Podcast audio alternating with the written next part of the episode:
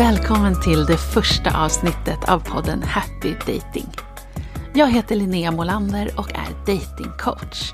Och I den här podden kommer du få följa med in i mitt coachingrum och lyssna när jag hjälper helt vanliga singlar med helt vanliga datingproblem. Många tror att de har väldigt speciella datingproblem. Men jag har coachat över tusen personer och insett att det är samma problem som återkommer hela tiden. Även om de flesta tror att de är helt ensamma. Därför har jag skapat den här podden. Så att du som kämpar med dejtandet ska slippa känna dig ensam om det. Och en gång för alla få lära dig vad som faktiskt får dejtandet att fungera. Varje avsnitt i podden består av en inspelad coachingsession mellan mig och en klient som behöver hjälp med någonting i sitt dejtande. Säsongen börjar med att du under fem avsnitt får följa samma person genom hela hennes coachingprocess. Från total datingpanik och akut rädsla för att bli lämnad till Ja, du får lyssna på podden och höra hur det går. Innan jag träffade henne så skickade hon ett mail till mig som lät så här. Hej Linnea! Jag lider av grov datingpanik och överanalyserande. Mina vänner har tröttnat på mina panikepisoder och jag känner mig så ensam. Och vilken jävla skam att känna mig så dum som inte klarar av det som de i min omgivning har klarat. Så fort jag får lite energi försöker jag dejta igen och igen. Och varje gång skiter det sig. Jag kan verkligen inte klandra mig själv för att inte ha försökt, men seriöst. Det känns som att längtan efter en person i mitt liv drar ut mig på de här dejterna, men egentligen är jag vid det här laget övertygad om att jag inte kommer lyckas. Vad ska jag göra? Jag är på botten just nu och kompassen bara snurrar. Jag vet varken ut eller in. Hälsningar M. Under hennes första coachingsession så går vi rakt på problemets kärna och tar hand om datingpaniken. Välkommen in i coachingrummet. Alltså från mitt håll så är det väl att jag väljer en viss typ av kille som jag dejtar. Både omedvetet och medvetet. Men jag börjar alltid överanalysera. Hör av mig till alla mina vänner. och eh, får panik. Vad handlar analysen om? Vad är det du övertänker på? Alltså det kan vara allt möjligt. Det kan vara allt ifrån att eh, personen har sagt eller gjort någonting. Att den kanske inte vill ses en viss dag. Det här kan ju vara inne i en relation också alltså. Mm. Så det är inte bara datingfasen. Ja men mest är det nog att jag känner mig liksom ensam typ. Eller att personen på något sätt försvinner ifrån mig. Som jag upplever det. Just det. Har du någon aning om hur mycket som krävs för att du ska känna dig trygg? Finns det en Nej. sån gräns? Nej, jag har ju insett att det inte gör det. Alltså jag har ju liksom så här, eh, tänkt att ja, men om jag bara umgås med den här personen eh, oavbrutet varje dag liksom, så kommer det typ stilla men det gör det ju inte. Mm. Jag känner ju inte att jag har något behov av att ha egen tid. Men däremot så känner jag att det blir liksom, ja, vad ska man säga, tråkigt i längden. Liksom, ja. Att umgås hela tiden. Och du måste ha ett liv i övrigt, typ ett jobb och lite vänner och ja. Ja, hantera din praktiska verklighet på olika sätt. Du kan inte bara sitta och kramas 24 timmar dygnet runt. Nej. Liksom. Nej. Nej. Just det. Men så fort det släpper så väcker det den här oron och övertänkandet. Ja. Mm. Och då tänker jag att då handlar inte det om relationen med den andra personen. Nej. Utan det är ju någon, någon nästan så existentiell känsla av ensamhet. Ja. Och den är ju, det känns som att den är ogrundlig. Liksom. Alltså mm. Det är som att den... Ja, men jag vet inte, jag har ju gått i terapi hur många år som helst. Inte just specifikt med det här, men med allt möjligt. Och det känns som att jag får ju aldrig bukt på det. Liksom. Det är mm. alltid på något vis att det liksom så här ligger där inom mig. Mm. Jag blir nyfiken på vad det handlar om. Mm. Hur du har fått för dig att du är ensam i världen. Har du någon mm. idé om var det började eller var den här uppfattningen eller känslan av att vara övergiven, var den kommer ifrån? Nej, inte direkt. Alltså jag har ju haft en mamma som har varit väldigt liksom fram och tillbaka. Eh, alltså hon har varit så kärleksfull har hon ju kanske aldrig varit. I den bemärkelsen att man säger att man älskar någon, att man kramas eller så. Men hon har ju liksom visat på sitt sätt ibland och sen har hon stängt av och eh, frysit ut den ibland. Så mm. det har varit väldigt upp och ner liksom. Beroende på vilket humör hon har varit på så agerar man efter hennes humör. Liksom. Just det. Så det kan vara en sak.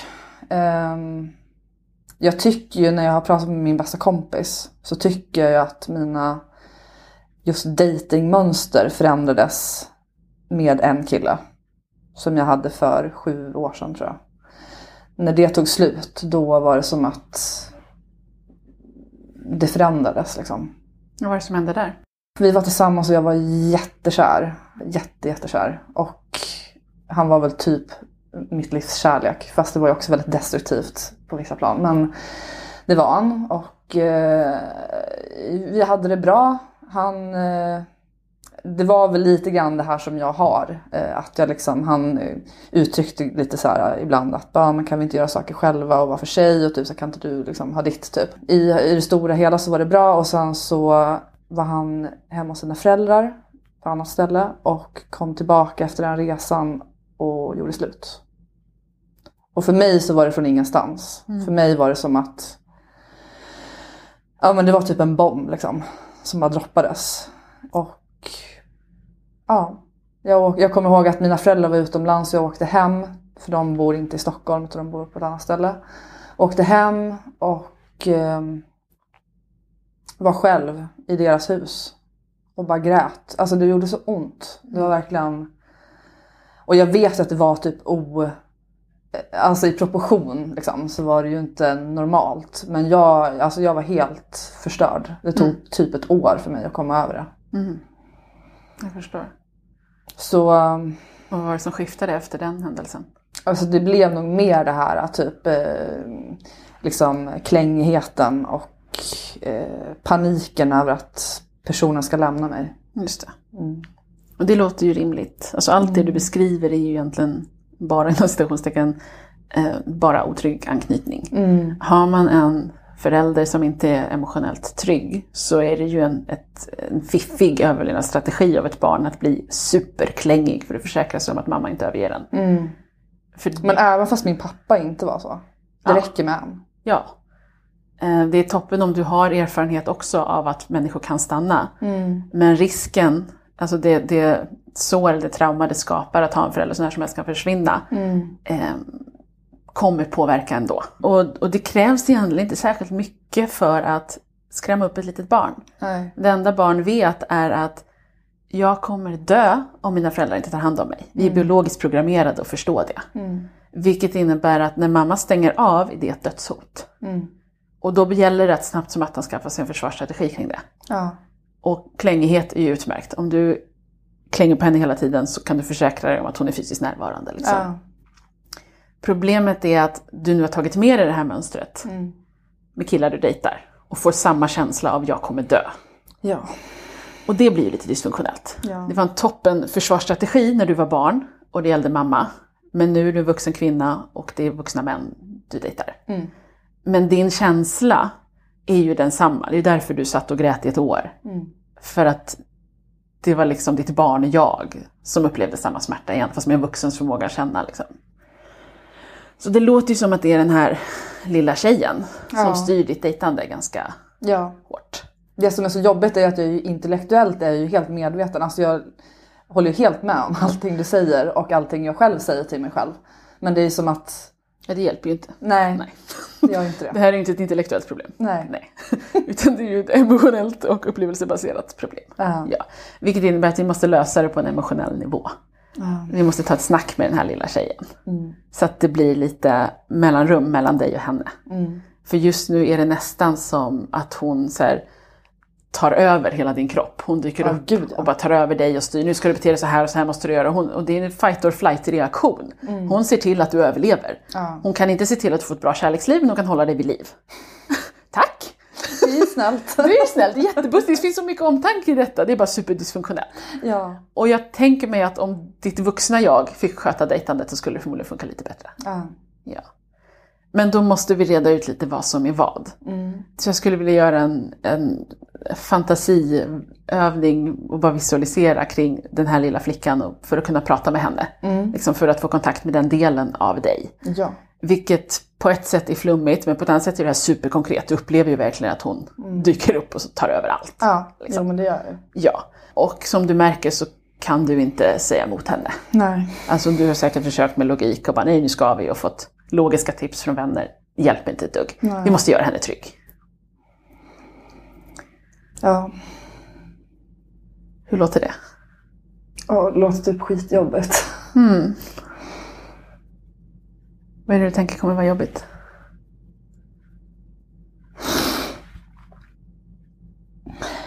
Ehm, jag vet inte, bara att jag...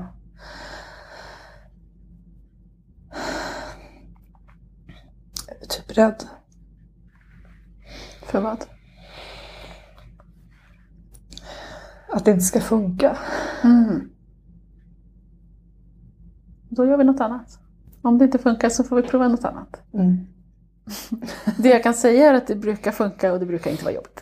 Nej okej, ja men det är bra. Det är brukar vara eh, ganska starkt men väldigt fint. Mm. det kan komma lite känslor. Men det är ingenting, det är inte så här vi ska återuppleva gamla trauman. Alltså det är inget sånt. Liksom. Nej okej.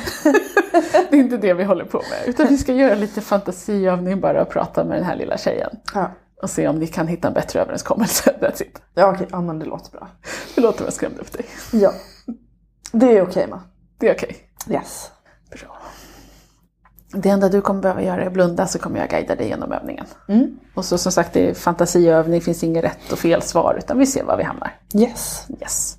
Så om du bara blundar och föreställer dig att du sätter en tidsmaskin, hur en sån nu ser ut i din fantasi. Så ska vi åka tillbaka i tiden och prata med den här lilla tjejen. Och det enda du behöver göra är att kliva ut tidsmaskinen och se henne framför dig. Och kanske är hon på en plats som du känner igen eller i ett minne eller så står hon bara där utan kontext. Det spelar ingen roll alls. Det enda du behöver göra är att se henne framför dig så får du berätta för mig var vi hamnar. Jag ser henne eh, spela kulspel med min eh, morfar. Mm. Hur är stämningen? Har de trevligt? Ja, jättetrevligt. Mm. Okej. skrattar. Hon skrattar. vad fint. Mm. Hur gammal är hon? Ehm, kanske sex? Mm. Fem? Fem, sex där. Mm. Var är de någonstans? Hemma hos mina föräldrar. Mm. Ute på, utanför eller inomhus? Inomhus. Inomhus och I fåtölj. I en fåtölj. Mm. Mm. Fint. Och hon är glad Ja. och morfar är där. ja. Ja, morfar är en trygg person. Ja, det är han verkligen. Mm. Fint. Finns det någon annan i huset? Eh, jag tror att min mamma är där. Också. I ett annat rum eller? Ja, precis. Mm. Jag tror att jag och morfar sitter själva. Mm. Mm. Vad känner du när du ser den här lilla flickan som spelar kula med morfar? Oj. Ehm. jag känner nog alltså glädje. Eh, eller jag är lycklig för henne eh, i den stunden. Mm. Det är jag. Mm. Tycker du om henne? Skulle du vilja träffa henne oftare? Hon är liksom en mysig person. Ja men det är hon. Ja men det skulle jag verkligen. Kan du till och med tänka dig att ta ansvar för att hålla henne trygg och glad? Det låter som att det Ja. enda hon behöver är bara lite vuxna som kan spela kula med henne. hon har inte jättehöga krav. Ehm, ja absolut. Spela kula med en liten flicka, det, det kan jag göra. Det kan du göra. Mm. För jag har nämligen en idé om att det inte behövs så himla mycket mer än det för att göra henne trygg. Nej. Och om du kan göra henne trygg så kan vi befria henne från det ansvaret och vi kan befria alla killar du dejtar från ansvaret att göra dig trygg. Mm. När hon är trygg kommer du vara trygg. Så du tar ansvar för att hålla henne trygg. Du tar ansvar för dejtandet och hon behöver bara spela kula. Mm. Låter som en bra deal. Eller hur? Det känns det som en rimlig överenskommelse? Mm. Ja. Jag skulle vilja att du som ditt vuxna jag kliver in i den här bilden Mm. för att prata med henne. Och så får du bestämma själv om du vill ha morfar med i det här samtalet. Om han är bra person som stöd eller om du ska be honom gå ut. Det är bättre, bäst själv. Mm. Vill du ha honom med? Ehm, ja men det vill jag. Fint. Och vad ska jag säga? Ja. jag skulle vilja att du tackar henne för att hon har försökt skydda dig när du dejtar. Hon har gjort ett så bra jobb med att se till att du inte dör av övergivenhet. Men jag vill att du säger till henne att det inte är hennes ansvar. Hon behöver inte skydda dig längre. Från och med nu tar du ansvaret för dejtandet och hon kan bara få spela kula med morfar. Känns det som att hon är okej med att delegera tillbaka det ansvaret till dig? Eller vill hon fortsätta bestämma? Nej, men det känns som att hon är okej med det. Mm. Då har vi en överenskommelse här. Ja. Och det behöver inte vara så mycket knöligare än så. För från och med nu så är det enda du behöver göra när hon blir rädd att blunda och sätta dig i vardagsrummet och spela kula. Mm. Och jag vill att du talar om det för henne att det är så himla enkelt för dig att när helst hon behöver komma tillbaka och spela kula med henne. Mm. Du har bara inte riktigt förstått innan att när hon drar i nödbromsen och ropar hjälp, hjälp, hjälp att hon behöver någon att spela kula med utan du har trott att du måste klänga på killar då. Mm. Men det enda du behöver göra är att spela lite kula. Det är ganska skönt. Eller hur? Det blir så mycket enklare. Ja, verkligen. Först spela kula och sen när ni är trygga, då tar du hand om dejtandet. Ja. Mm. Så du ska strax få sätta dig i tidsmaskinen igen och åka tillbaka till framtiden. Mm. Men hon gillar inte riktigt när folk går. Så jag vill att du verkligen gör tydligt för henne att du förklarar att nu ska jag gå men jag kommer komma tillbaka. Och berätta att du vill komma tillbaka, du vill ta hand om henne. Hon kanske behöver höra vissa ord, hon kanske behöver en kram, ni kanske behöver en stund. Känna in vad hon behöver för att känna sig trygg med att låta dig gå tillfälligt.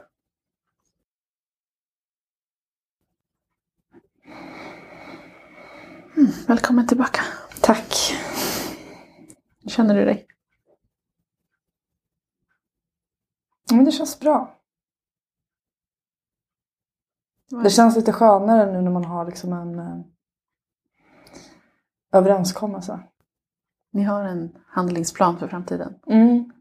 Lite, eh, alltså ändå lite gränssättning liksom. Just det. Hon spelar kula och jag kommer hälsa på. Ja. Ja, och hon behöver inte längre skydda dig när du dejtar. Nej. Skönt för henne. Ja, verkligen. Och skönt för dig. Ja.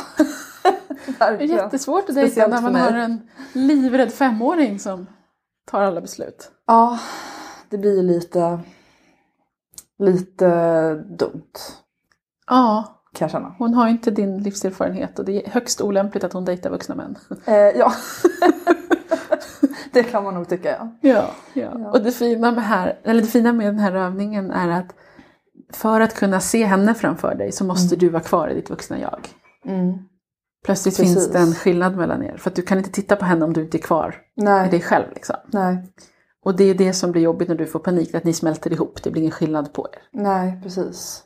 Så om du kan se den här neednessen eller rädslan eller behovet av ständig kontakt Mm.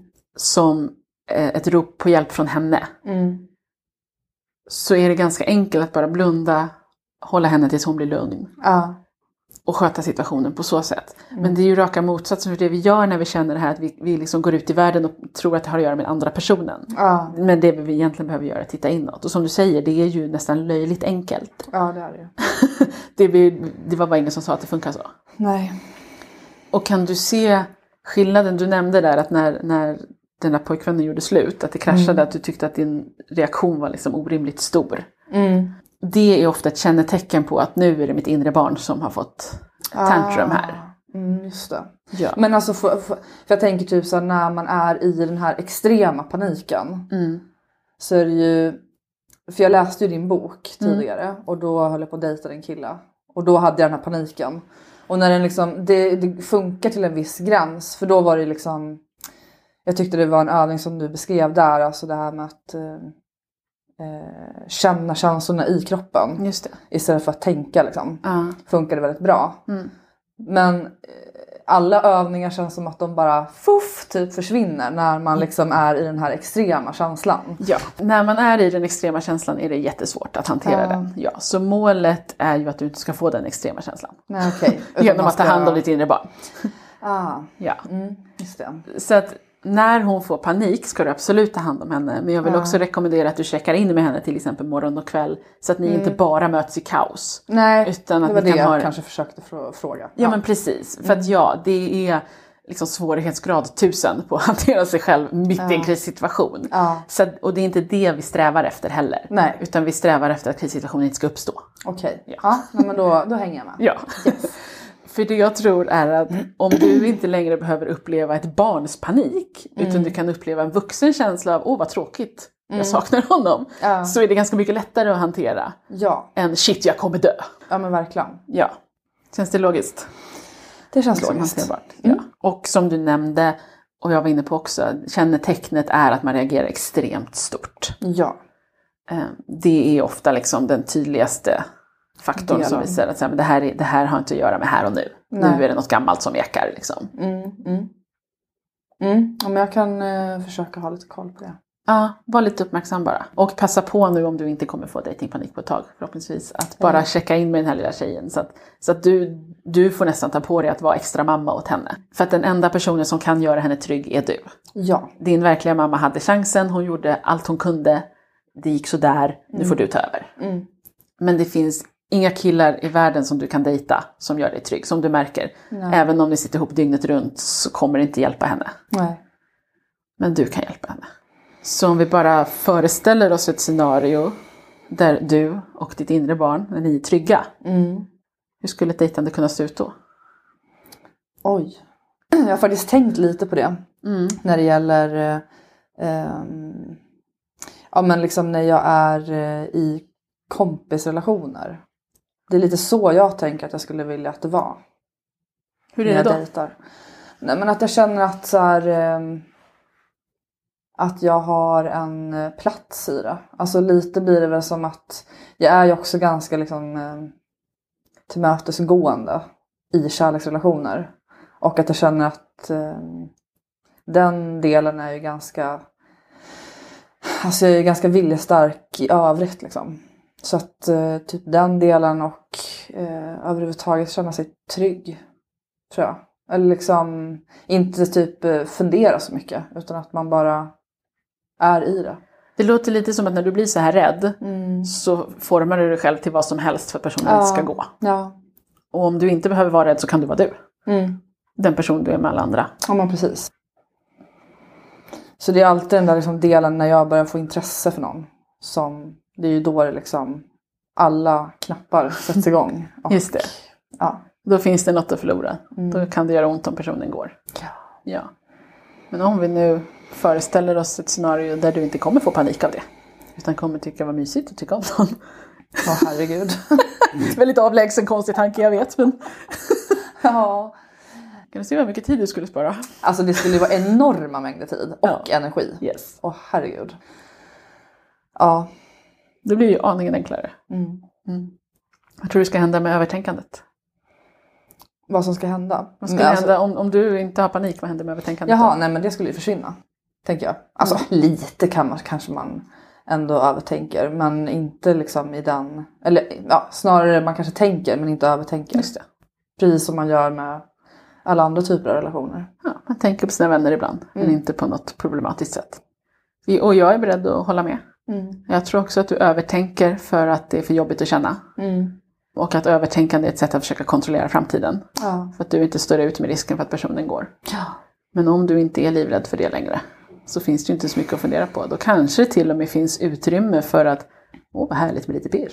Mm. Vad härligt att inte riktigt veta. Men har man full panik så längtar man inte riktigt efter extra pirr på det. Nej, Liksom. verkligen inte. Nej. Det gör man ju inte.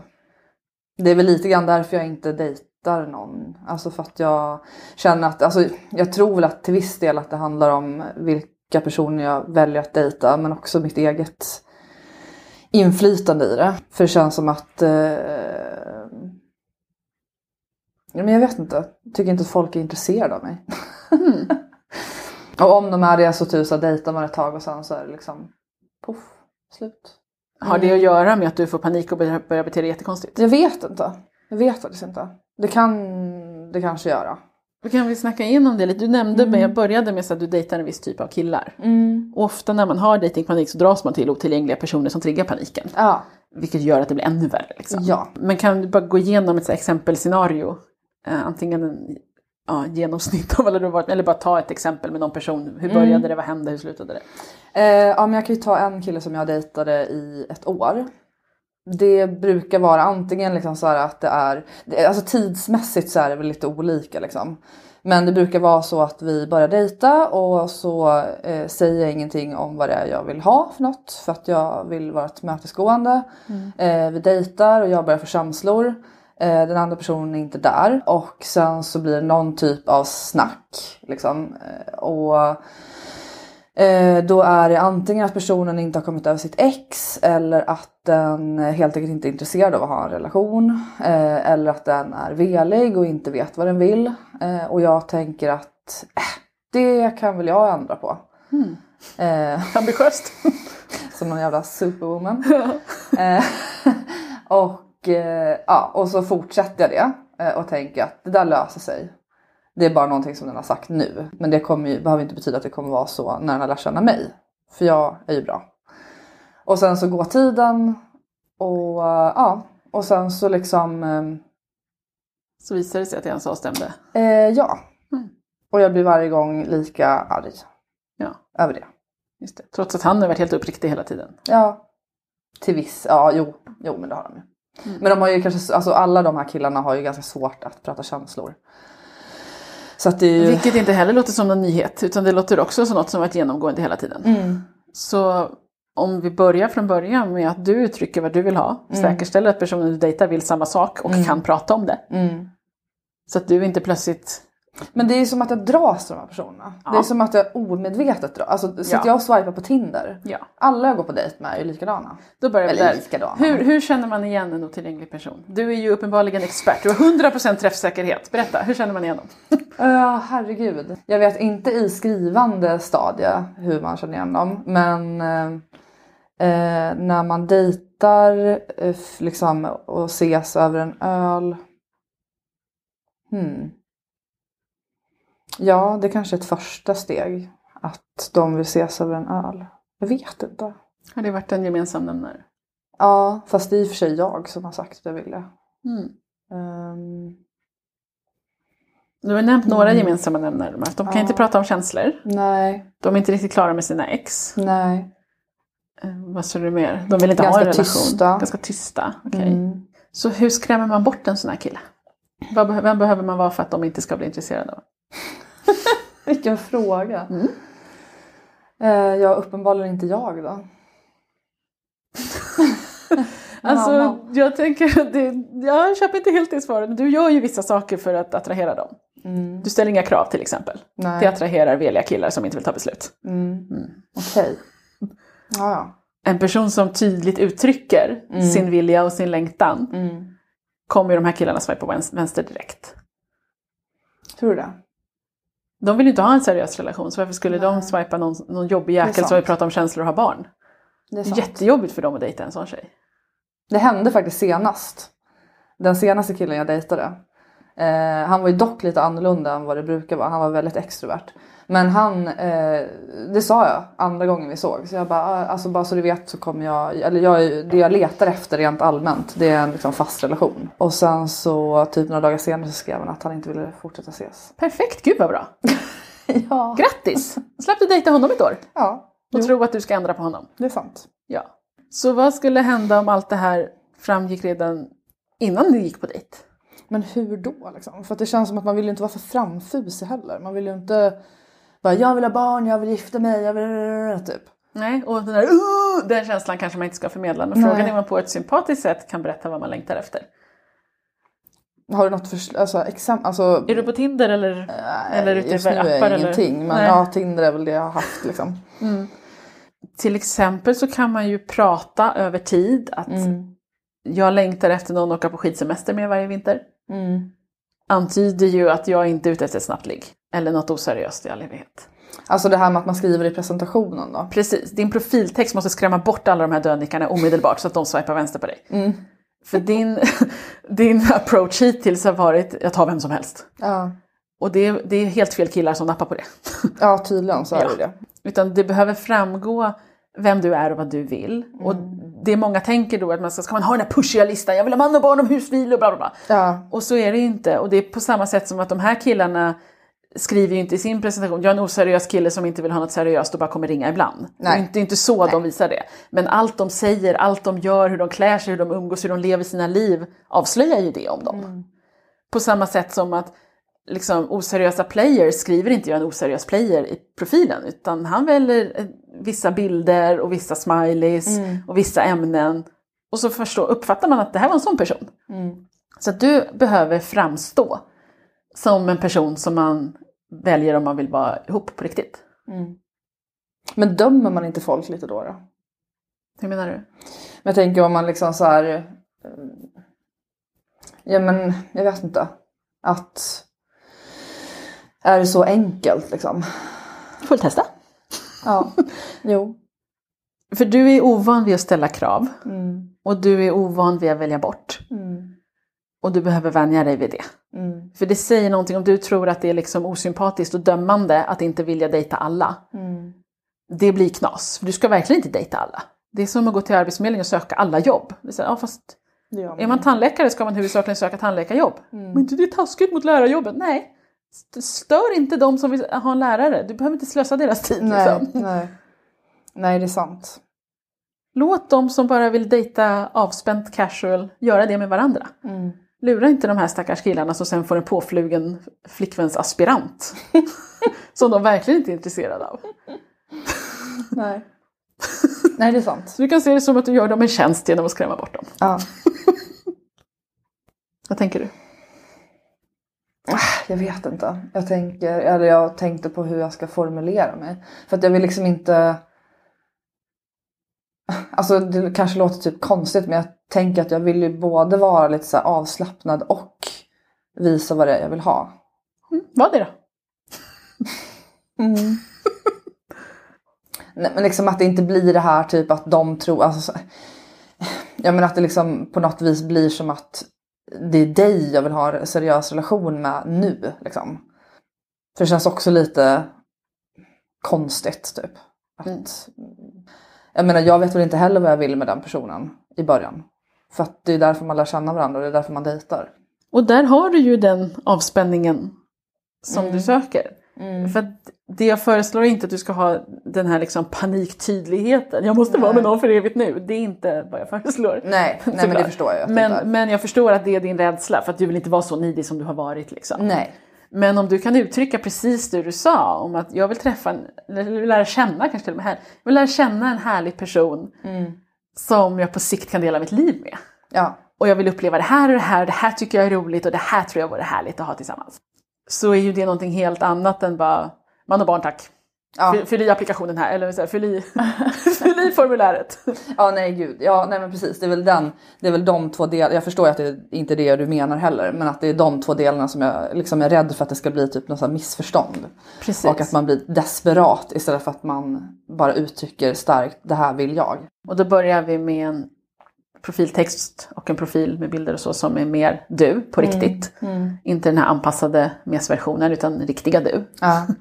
Och så ser vi vilka matchningar du får på det och vad som händer när du går på dejt med en sån person. För det Ja. som sannolikt kommer hända är att du kommer bli helt chockad över vadå, hur dejtar man en person som hör av sig? Vad är det här för något? Ja, liksom? jo, ja. det kan jag tänka mig. ja, för du är inte alls van Till och med kanske det. lite nervöst. Precis.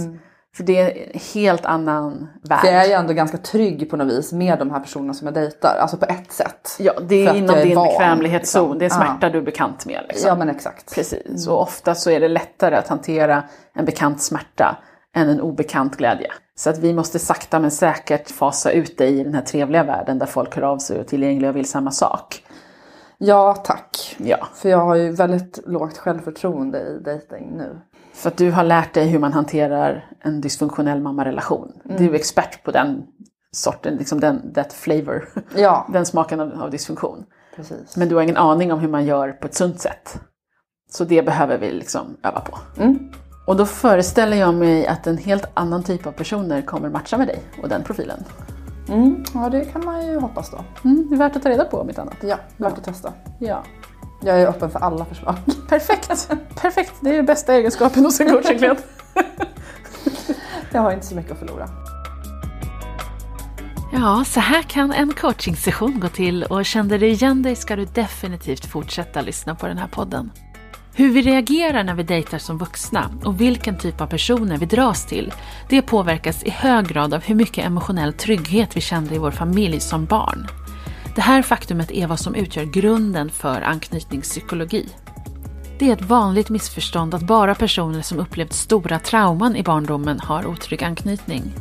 Men det räcker faktiskt gott med att du bara har växt upp i en familj där ni inte pratade om känslor. Eller där någon annans känslor tog så mycket plats att det inte fanns utrymme för dina. För att din anknytning ska påverkas och dejtandet saboteras. Lösningen ligger i att förstå hur det här hänger ihop och lösa upp de emotionella knutarna mellan då och nu, som vi gjorde i den här visualiseringsövningen under coachingsessionen. Övningen finns beskriven i min bok Dating börjar med dig, där jag också förklarar exakt varför vissa måste kämpa mycket mer med dejtandet än andra och vad du gör åt det.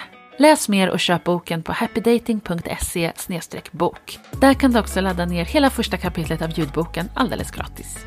I nästa avsnitt av podden fördjupar vi oss i hur du tydligare kan uttrycka vem du är och vad du vill för att attrahera tillgängliga personer som vill samma sak. Missa inte det! Tills dess, följ happydating.se på Instagram för där delar jag massor av datingpsykologi, praktiska tips, kunskap, inspiration, svarar på frågor, lägger ut videos och massor av annat spännande.